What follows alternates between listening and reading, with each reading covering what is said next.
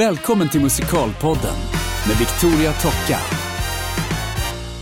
Välkommen till Musikalpodden Johan Mörk. Tack, tack, tack, tack, tack. Du är eh, musiker, kapellmästare Stämmer. eh, och du är framförallt den som har dragit igång det här jättespännande projektet Club Corner of the Sky på Stadsteatern. Kan du berätta lite om det projektet? Det kan jag göra. Club Corner of the Sky är en klubb, kan man nästan höra på namnet. Och en klubb är ju, i min värld i alla fall, ett liksom evenemang som sker eh, på ett givet ställe eller på olika ställen med någon slags återkommande frekvens. Och jag gillar att starta klubbar. Jag driver några andra som tidigare. Okej. Eh, och jag kommer ju inte från musikalhållet. Även om jag pluggade det på gymnasiet så tycker jag att det är inte det jag har hållit på med mest. Vart pluggade du på gymnasiet? I Bollnäs, där jag också är uppvuxen. Nej men vad kul! Alltså jag är från Hälsingland. Men det vet ju jag, vet du. Jaha. Men, men, men, men jag vill dela din entusiasm här ändå. Ja. Så att, eh, yay! Hälsingland. Yay! Hälsingland, Bollnäs. Yes. Okej. Eh, och eh, så har jag gått på estetiska programmet där.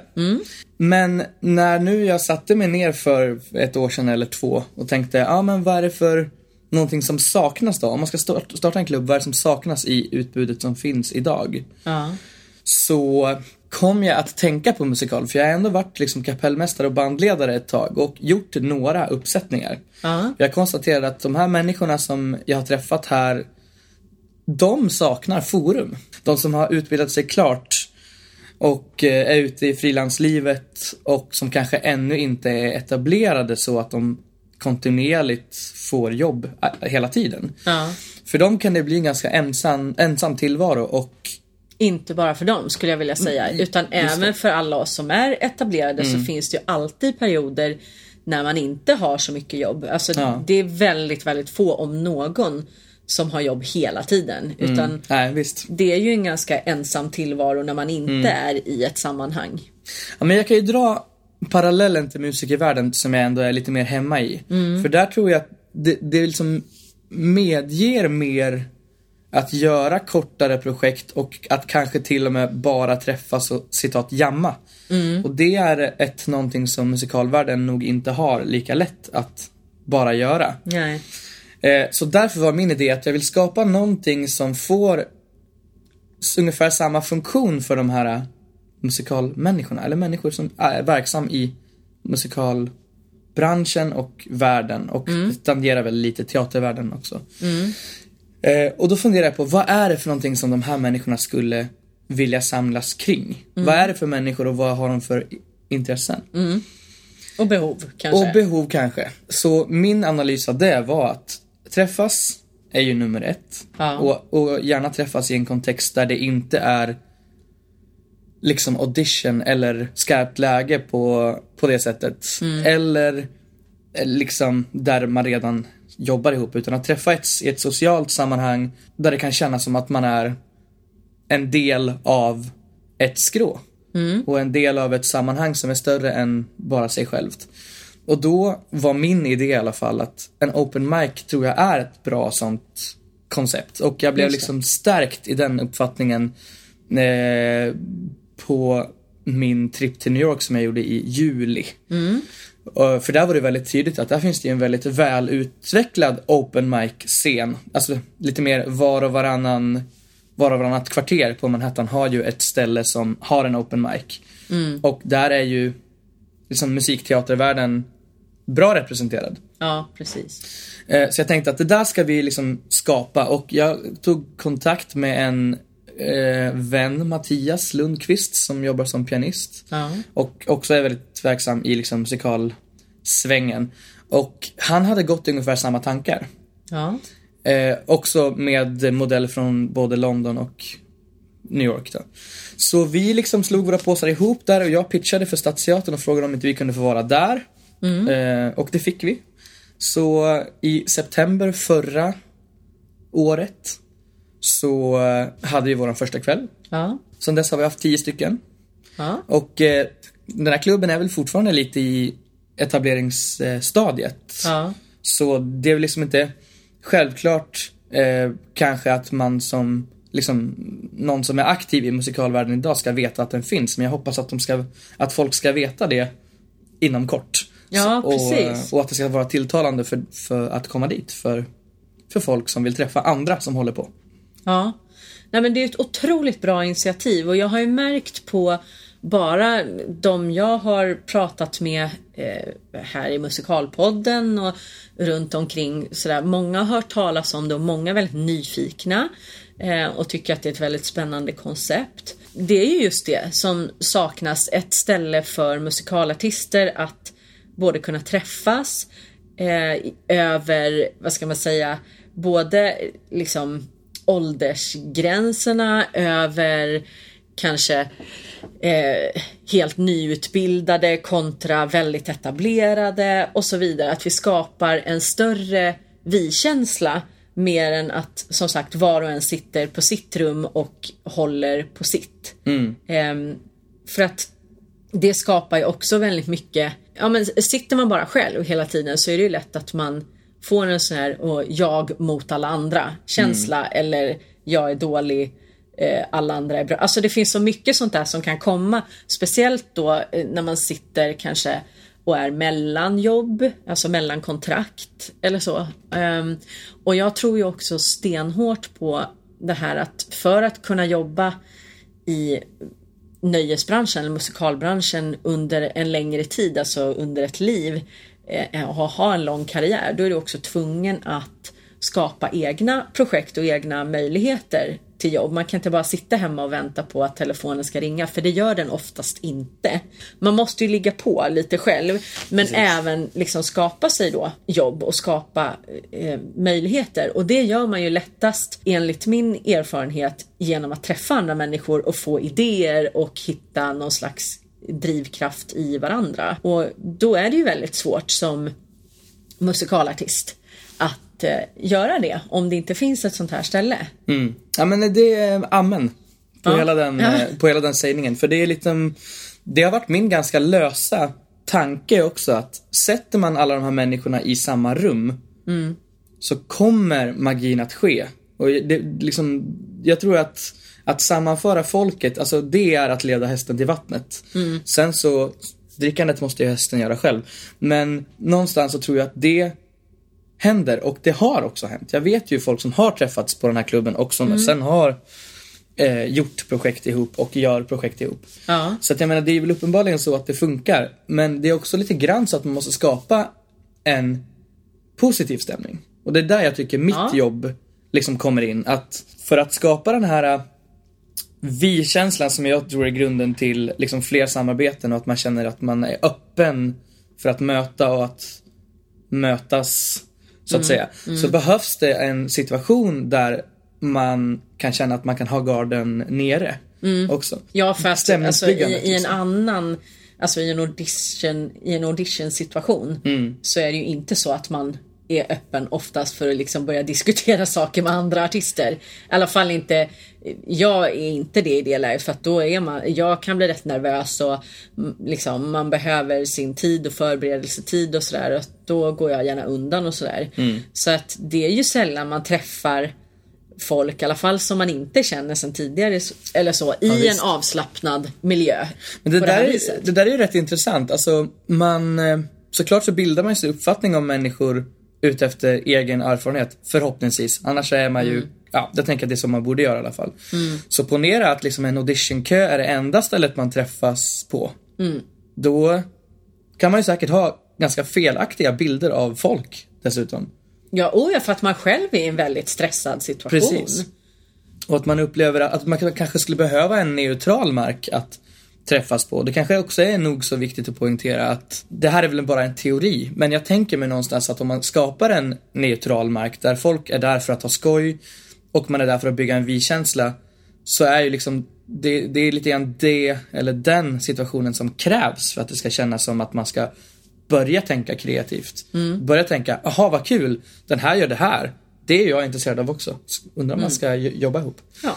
Eller jag håller på med det här projektet just nu och oj, vad hon eller han var bra eller spännande och hen, det kan jag plocka med här. Alltså eh, att våga öppna att våga öppna sig för samarbeten och möjligheter det tror jag också sker lättare i alla fall i en sån situation. Det kan ju naturligtvis hända och händer väldigt mycket i rena arbetssituationer där man redan eh, är i en jobbsituation. Alltså jag tänker så här, ehm, om de sätter upp en ny musikal i Stockholm och så, du vet, eller man sätter upp en ny musikal, det kommer in en massa folk. Flera av dem har säkert aldrig jobbat ihop förut, men man klickar med någon och sådär. Då kan man ju komma på projekt och sånt man vill göra. Men eh, då ska du först hamna i, alltså i den produktionen eller i ett sammanhang för att de här mötena ska ske. Och det är ju, och framförallt då om man precis har kommit ut från skolan kanske. Eh, eller som i mitt fall har kommit hem utomlands ifrån och inte riktigt är i den här svenska eh, musikalsvängen så behöver man ju en plats att träffa folk där det som sagt inte är skarpt läge hela tiden. Vad, hur går den här eh, klubbkvällen till? Om vi ska bara prata lite om vad som händer där. Om man ska förklara för någon som aldrig har varit där, vad kan man förvänta sig när man kommer till Club Corner of the Sky? Eh, då skulle jag säga så här att själva klubben eh, har vi haft på eh, Soppteatern i Kulturhuset. Och då har det varit så att dörrarna har gått upp 18.30. Har man kommit in och så är det liksom en liten period i början där det inte är något program. Den Så första- lite mer mingel typ. Ja, första halvtimmen.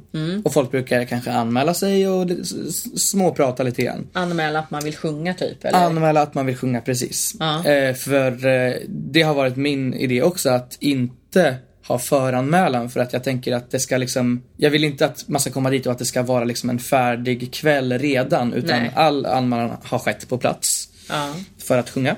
Eh, och sen Får man sjunga vad man vill? Vem kompar? Hur funkar det? Man får ju sjunga vad man vill. Ja. Idén är ju att klubben har ett musikaltema. Ja, ja, men alltså musikal. Musikal ja. Ja, får man sjunga vad man vill. Då får man sjunga vad man vill. Och man får ju även sjunga fristående eh, nummer som, som kompositörer har skrivit men som skulle kunna vara i liksom musikalanda. Ja, jag förstår. Och det finns också folk som har framträtt med annat. Men, men i, i grund och botten så brukar det oftast finnas en ganska rolig förklaring till varför man vill sjunga respektive låt i sådana fall. Ja, så det har liksom blivit ganska roligt och bra innehåll ändå. Ja.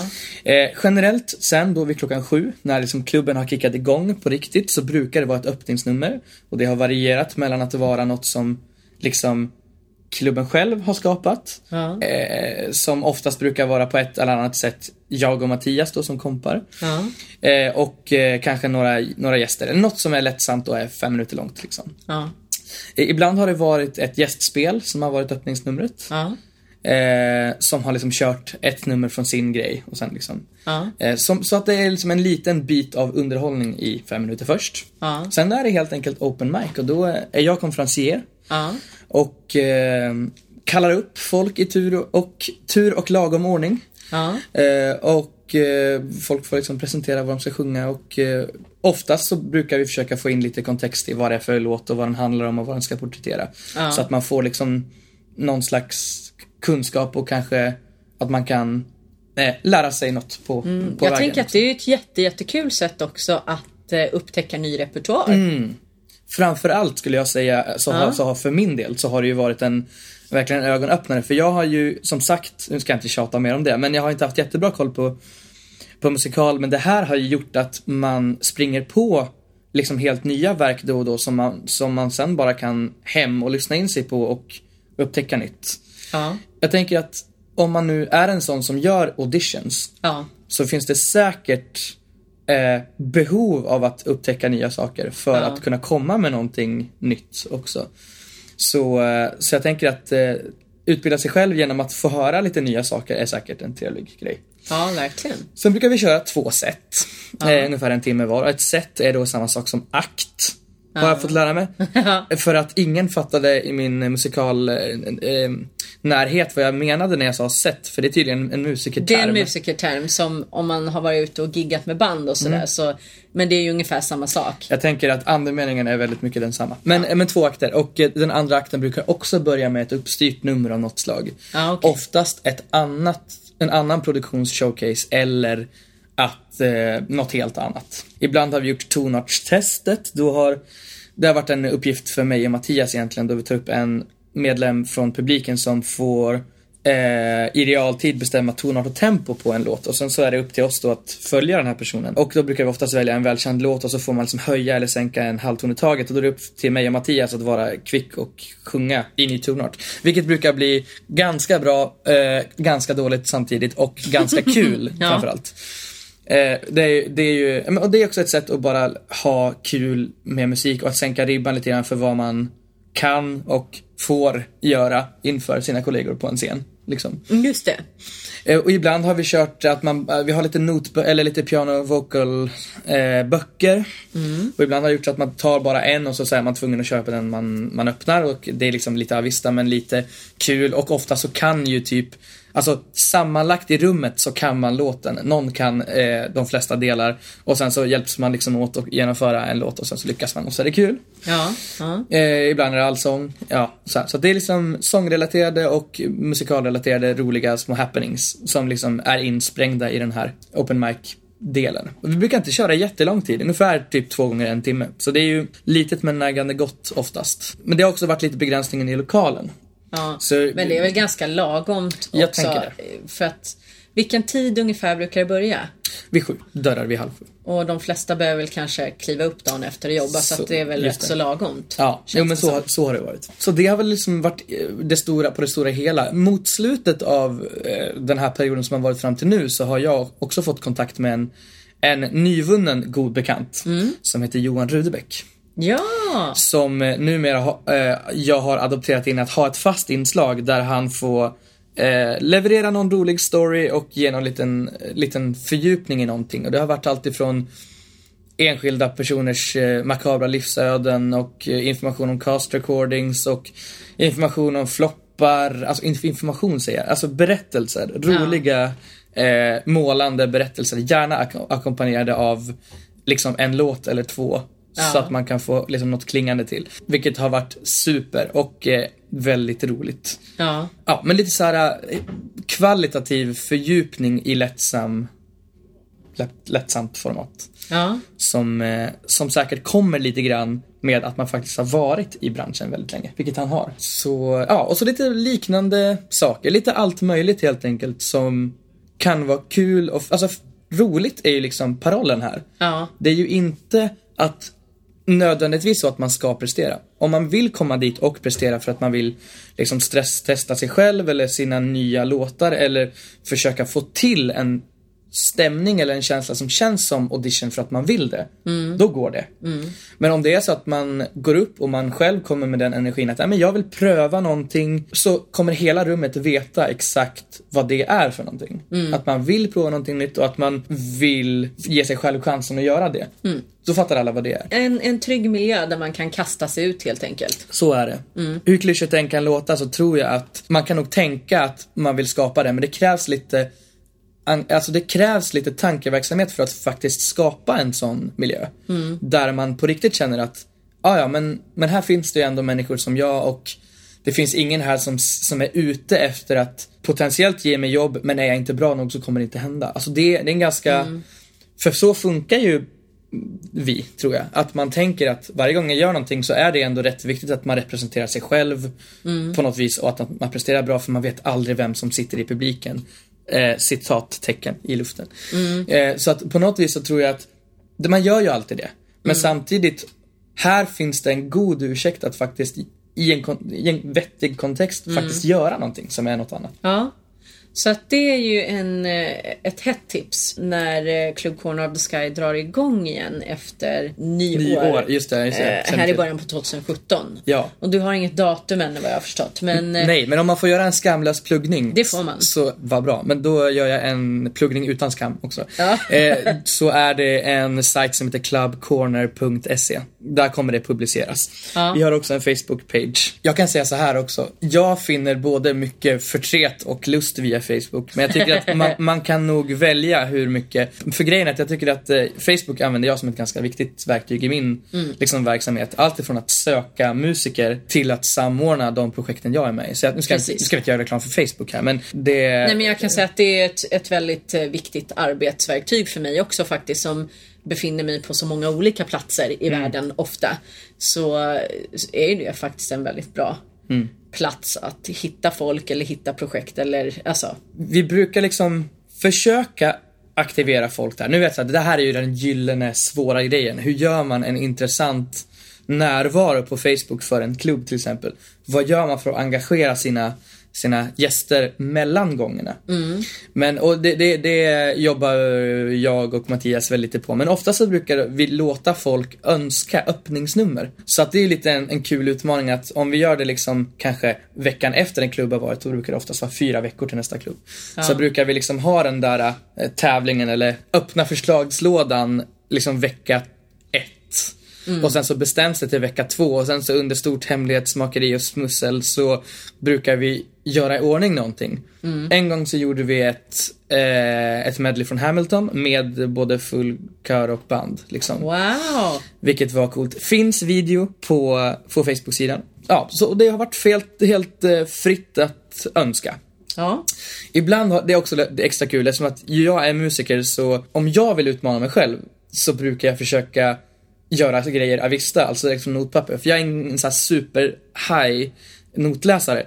Så att eh, Mattias ha, ha, hade några gånger där han fick ta med en låt och jag fick det liksom presenterat på notstället bara. Oftast då någonting som alla andra kunde, för alla har ju oftast bättre koll än vad jag har.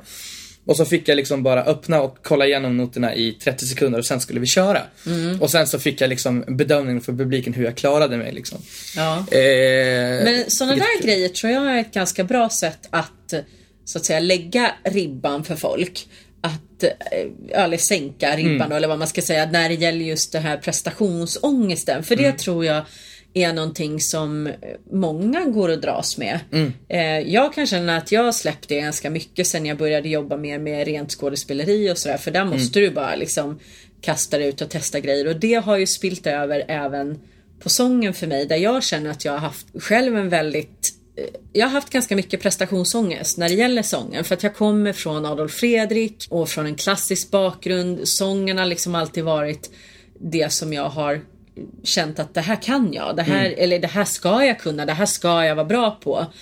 Eh, medan när det har gällt då kanske dansen framförallt men även skådespeleribiten som jag nu tycker är, jag har utvecklats väldigt mycket på. Men eh, jag har utvecklats mycket skådespelarmässigt just därför att jag har haft en acting coach som eh, har haft den inställningen att man måste kasta sig ut och te- våga testa saker.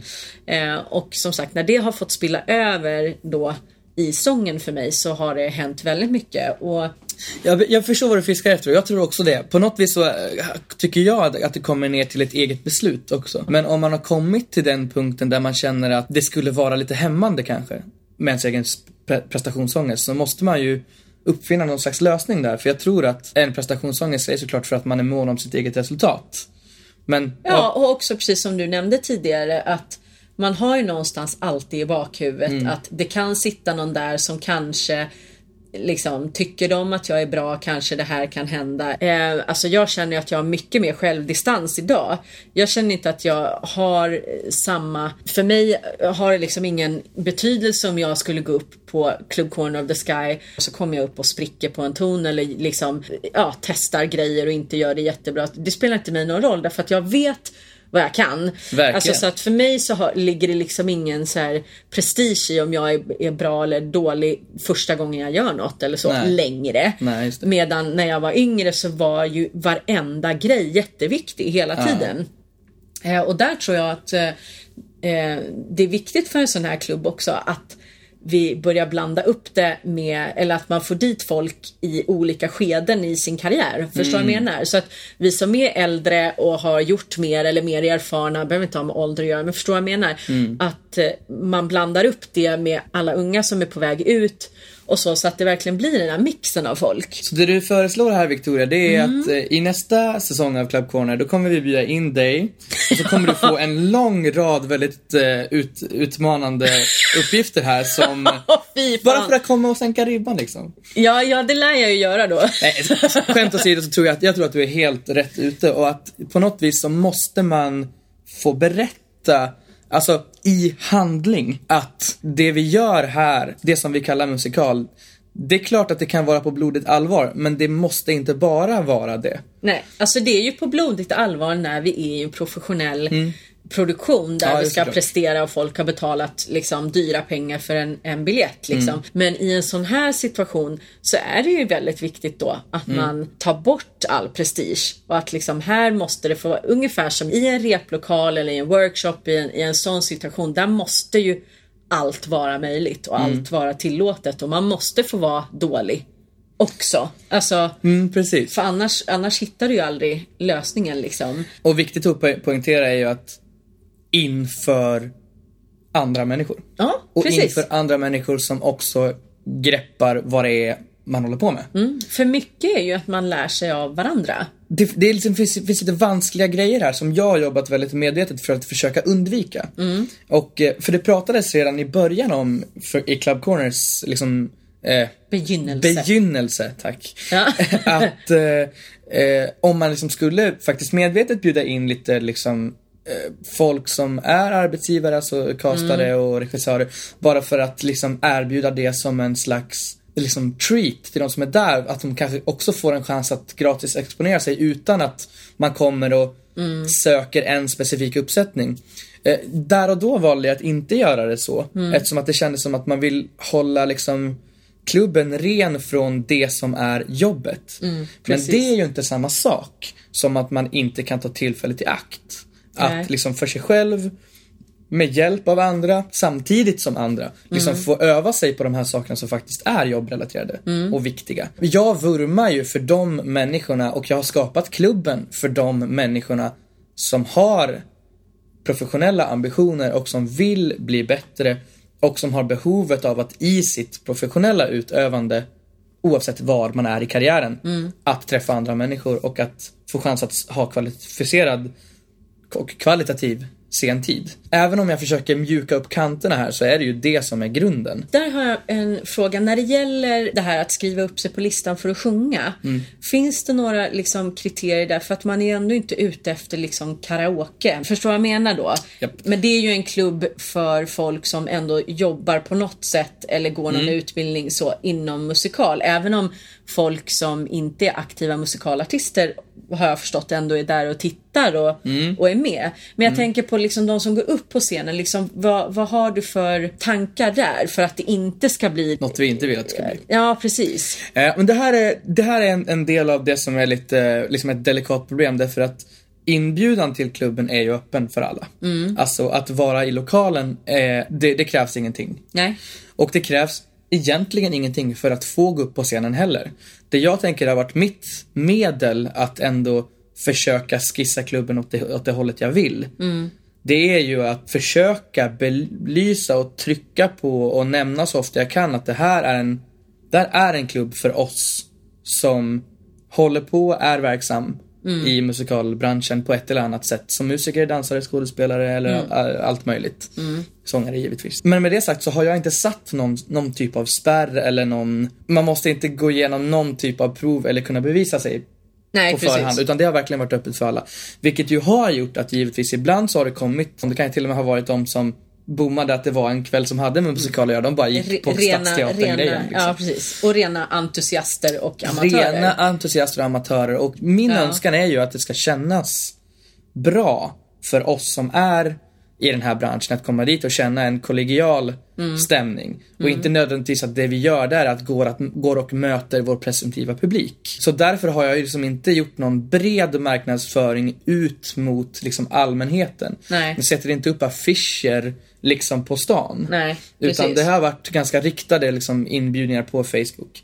Så det där tänker jag att det där är nog kanske någonting som klubben fortfarande eh, liksom har som utmaning. Mm. För vi vill ju skapa den stämningen där folk som jobbar i den här branschen kan mötas. Men samtidigt så vill vi ju att eh, det ska vara folk som är där och kanske kan betala biljettpriset och få klubben att funka ur ett rent ekonomiskt perspektiv. Och där tror jag ju inte nödvändigtvis att vi bara ska luta oss på våra kompisar utan vi vill ju få in lite precis. publik som sen kan sprida ordet. Jag hörde Victoria på Club Corner of Sky. Eh, jäklar vad bra det var och hon ska vara med i den här grejen. Ja, det vill jag gå och se. Alltså det är ju svårt. Det Mm. är liksom, för att där pratade vi lite grann när jag bjöd in dig Mm. till podden. För jag har aldrig varit på Club Corner of the Sky. Jag ska självklart gå så fort jag har möjlighet. Det jättedålig stämning i rummet nu kan jag säga, men det, vi får försöka komma över det här. Ja. Och jag har ju många då professionellt utövande kollegor som också har nämnt att det här låter som ett jättespännande koncept. Mm. Men där man liksom har varit kanske då lite osäker på vad är det för nivå, vad är det Mm. som förväntas, vad är det som händer där?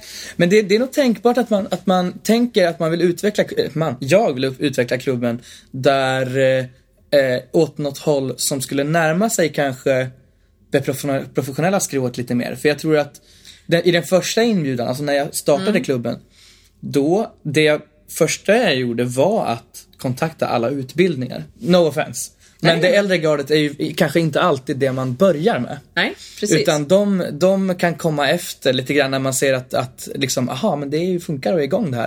Då Ja, är de lättare exakt. att få med. Och jag har väl inte haft någon anledning att liksom börja tänka i nya banor än. Mm. Men däremot tror jag att i en utveckling av det här så måste man ju kanske hitta ingången i varför andra människor vill hitta till klubben. Mm. Nej men för där tänker jag att du var ju inne på någonting precis i början med att du startade där också för att du hade sett hur saker och ting funkar i New York. Eh, och där, det är ju en plats där jag har varit ganska mycket också. Så jag förstår ju var det där kommer ifrån. För att jag ska säga så här, New York är ju både extremt proffsigt och det är extremt hög konkurrens. Men det finns också ett helt annat vi-tänk. Alltså ett helt annat Alltså de pratar om sin Broadway community som en eh, Ja, en, en grupp. Och säkert någonting som kommer mer- mycket tydligare där upplever jag det som än här i Sverige.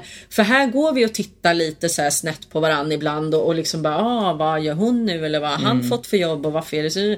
Medan, och det, jag säger inte att det inte händer i New York men jag upplever att där möts man mycket mer som sagt utanför jobben.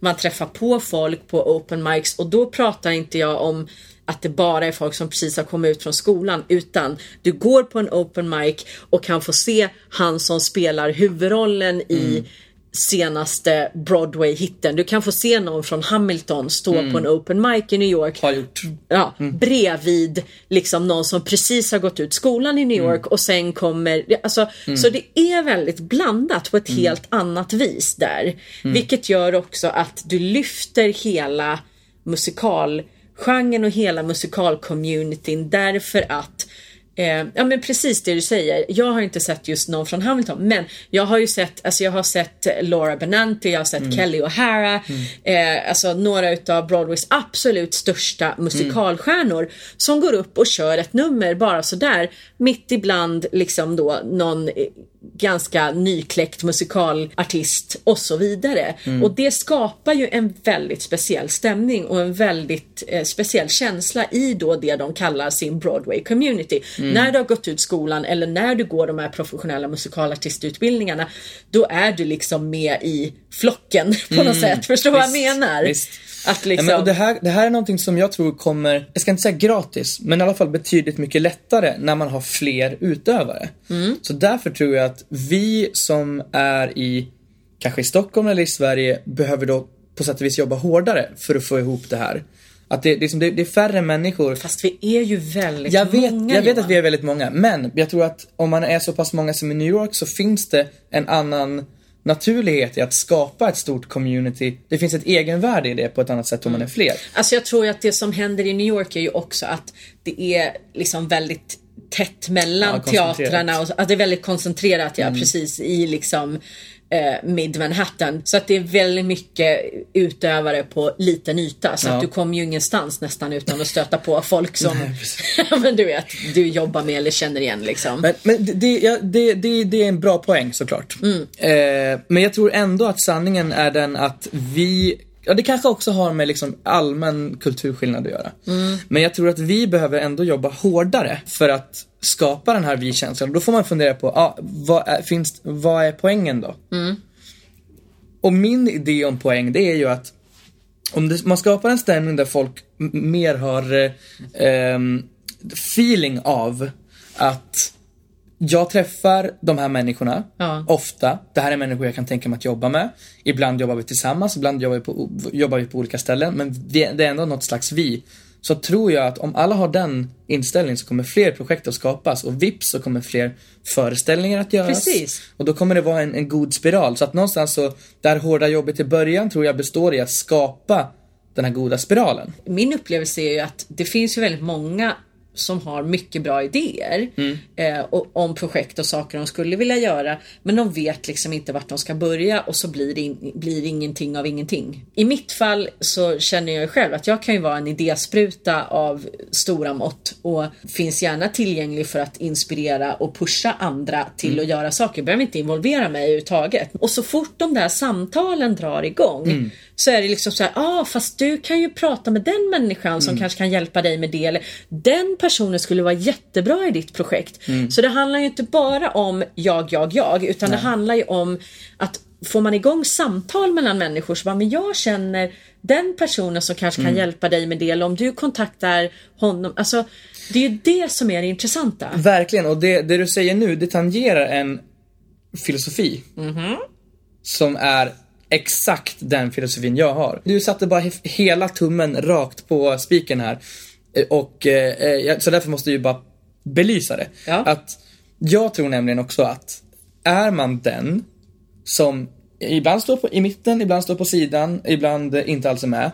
Eh, men man alltid har liksom ambitionen att sammanföra människor därför att det de kan göra kan bli fantastiskt. För det där har ändå med vision att göra. Vilket jag tänker är en del av kakan där. För att är det så att man upplever sig vara en, i, i en situation där man själv kämpar liksom, och att man inte, man kanske inte, själv inte är i det mindsetet att man känner sig superkreativ eller liksom kan närma sig nya egna samarbeten så kan man ju fortfarande kanske ha den här visionen om nå- att det här vore coolt att göra och får man nys om ja de här två människorna skulle funka bra ihop så tänker jag att det kan vara det som är startskottet för någonting som sen mycket väl kan färga av sig positivt på mig eller någon annan. Så oavsett om man så filantropiskt som dig och mig har det som egen filosofi eller om man skulle vara citat kallt beräknande för att man vill försöka få jobb så Ja. tror jag att om man får auran av att vara en sån person som ändå är bjussig med sina kontakter. Jag, jag lovar att en sån person vill jag jobba med. Så att liksom, jag tänker att eh, det, kom, det finns så mycket bonusvärde Precis. i den. Och där vill jag nämna återigen det här uttrycket som jag har lärt mig i USA. Share your toys. Alltså när du Dela på leksakerna. Precis översatt till svenska. Om vi alla blir bättre så tjänar alla på det. Eh, istället för att man ska tänka att eh, Alltså återigen ja, ja, ja och bara jag, jag Mm. kan inte liksom om du kontaktar den här producenten eller skådespelaren då får inte jag det jobbet. Så då kan inte jag säga det till dig Mm. för att då kanske jag går miste om någonting. Men så är det ju inte. Nej. För någonstans är det så du får de jobb du får och du får de möjligheter du får oavsett. Man måste ju börja med sig själv på något vis. Så Själv- vill man bli tipsad om Precis. så måste man ju också vara Ja, en och det är ju de tipsare. här klassikerna liksom behandla andra som du själv gärna vill bli behandlad. Jada, jada, jada. Som sagt, vissa faser i livet så kan det där vara jättesvårt för det är svårare att vara bjussig om man mår dåligt eller det går Mm. dåligt under en period. Det är mycket lättare att vara bjussig när det liksom rullar på och allting Mm. går bra. Men som sagt att det är bara en kulturskillnad tror jag. En, en generell kulturell skillnad Mm. mellan eh, USA och Sverige. Där jag har upplevt det som att i alla fall i eh, musikalbranschen, Broadway community tänket så är folk extremt bjussiga. Om jag, alltså jag har varit med om så många gånger, jag kan ge ett superbra exempel. Jag gjorde en workshop med eh, en man som heter Dave Clemens som eh, han har bland annat eh, själv spelat Jean Valjean på Broadway för länge sedan. Nu jobbar han mer med utbildning och casting och så. Han har castat väldigt mycket på Broadway, utanför Broadway, off Broadway. Jag gjorde en workshop med honom och så, så sa han till mig att men du skulle passa superbra i Frank Wildhorns produktioner. Frank Wildhorn har alltså skrivit and and Hyde. Hyde, Scarlet Pimpernel, eh, ja, alla möjliga grejer. Eh, du borde träffa Frank Wildhorn. Och jag tänkte, ja det är klart. Jättebra idé. Bra idé! Gör. Hur gör vi det? liksom. Varpå han då plockar upp mobilen och ringer upp Frank Wildhorn för det är en kompis till honom. Mm. Och han vill jättegärna träffa dig. Du kan åka hem till Frank idag klockan sju. Här är hans adress åkt dit. Mm. Eh, Frank bor ju då i en eh, lägenhet på Manhattan också. Och jag kommer ihåg det där så himla väl. Jag åkte, tog en taxi, Frank Wildhorns adress, kom fram till eh, huset där han bodde. Alltså jag hade sån magknip va. För, alltså det är ju typ som att, att liksom åka hem till Andrew Lloyd Webber. Ja men förstår du? Ungefär. Och så här ringde på, åkte upp, eh, kommer in i hans lägenhet, han har en flygel, fönster från golv till tak ganska högt upp i, ja, utsikt över Frihetsgudinnan. Eh, och jag var där hela eftermiddagen. Vi sjöng låtar, han visade nytt material. Och så här, för att den här personen liksom var bjussig och bara, ja men jag vet inte hur jag ska förklara men Jo, det var men- liksom, känslan var så här, ja men ni två skulle kunna ha ett utbyte. Ja. Så att han ringde ju upp Frank lika mycket för att jag skulle kunna vara intressant för honom som att han gjorde någonting för mig. Förstår Mm. Ja. vad jag menar? Att det var inte bara så här, ja, Men det ja. var som att det fanns ingen, det fanns ingen förlorare i den här transaktionen lite grann. Nej men precis, utan, Utan han var var bara så här, det här positivt. Mm. skulle kunna vara bra för er att mötas. Ja, ah, shit vad kul. Ehm, Men, och och- det var ju ett väldigt extremt exempel för det är klart att bara för att du är i New York så kanske du inte träffar liksom eh, en av de stora kompositörerna så. Nej. Men det finns ju väldigt många andra sådana exempel också. Ja, men en, en annan gång jag jobbade med repetitör eh, för att jag skulle lära in en massa nytt material och eh, Ja men och då visade det sig att hon bodde ihop med Hugh Panaro som då spelade Fantomen på Broadway. Han har gjort det ganska mycket. Eh, och då hade jag precis spelat Kristin i Fantomen. Ja men du borde träffa Hugh. eh, ja och så liksom kopplade hon ihop oss. Eh, bara för att, ja men det vore väl kul för han tycker säkert det är kul att träffa en Kristin från Europa. Något annat ställe. Ja. Ja, men så. Nej men och, och att det är liksom väldigt mycket den bjussiga känslan eller vad jag ska säga. Men det här vore kul, ni två borde träffas. Och som liksom inte alls har med någon baktanke Nej. liksom från den personen att göra, utan mer så här, shit det vore kul om ni. Men det, det, det, där tycker jag att musikalvärlden ska lära från musikervärlden. Och jag tror att det, lära är kanske ett liksom, fel ord egentligen, men, men där finns det mer. Eh, jag ska inte säga att det finns på samma sätt som du beskriver här på Broadway, men det finns liksom ändå idén om att om jag inte kan ta ett jobb så vet jag ändå vilka jag tipsar om och har inga problem med det. Och, och, och, och även om, om jag träffar någon ny som jag hör håller på med någonting som jag vet att någon annan som jag känner håller på med. Alltså genre eller projekt eller äh, vad som helst. Så brukar jag verkligen försöka komma ihåg det och säga ni borde prata med varandra. Eh, men det är kanske lättare när det finns en struktur för att jamma. Ja. I musikalvärlden så kanske det skulle vara en struktur att träffas mer och bara snacka om vad man har för, för önskeprojekt eller någonting. Men att det ändå finns mer av en naturlig interaktion som inte är vi jobbar ihop, punkt. Nej precis. Så att eh, kanske att vi skulle vara, det här är en teori återigen då, men kanske att vi skulle vara bättre på att eh, träffas och prata om vad vi håller på med och vad vi har intressen av. För det kanske, rätt som det är så kanske i ett sånt här möte så har man samma drömprojekt. Ja precis. Och då kan jag väl tänka mig att om man har kommit så långt som att man har identifierat gemensamma intressen så även om man inte jobbar ihop den gången så har man ändå så här, då har man någonting gemensamt mer. Och som ni vet låtskriveriet, man kanske måste skriva tio dåliga låtar för att det ska komma en bra låt. Och om man då har eh, liksom hundra möten när man har träffat hundra nya spännande människor så kanske det finns den där enda, en människan som man verkligen klickar med som, som blir ens nya eh, McCartney till Lennon eller någon annan, någon annan bra. Björn till Benny. Björn till Benny. Och så vidare och så, Så vidare. vidare. Nej men Simon precis och, och återigen då om vi ska avsluta det här Mm. samtalet så ett jätte jätte bra och kul initiativ med startandet av Club Corner of the Sky.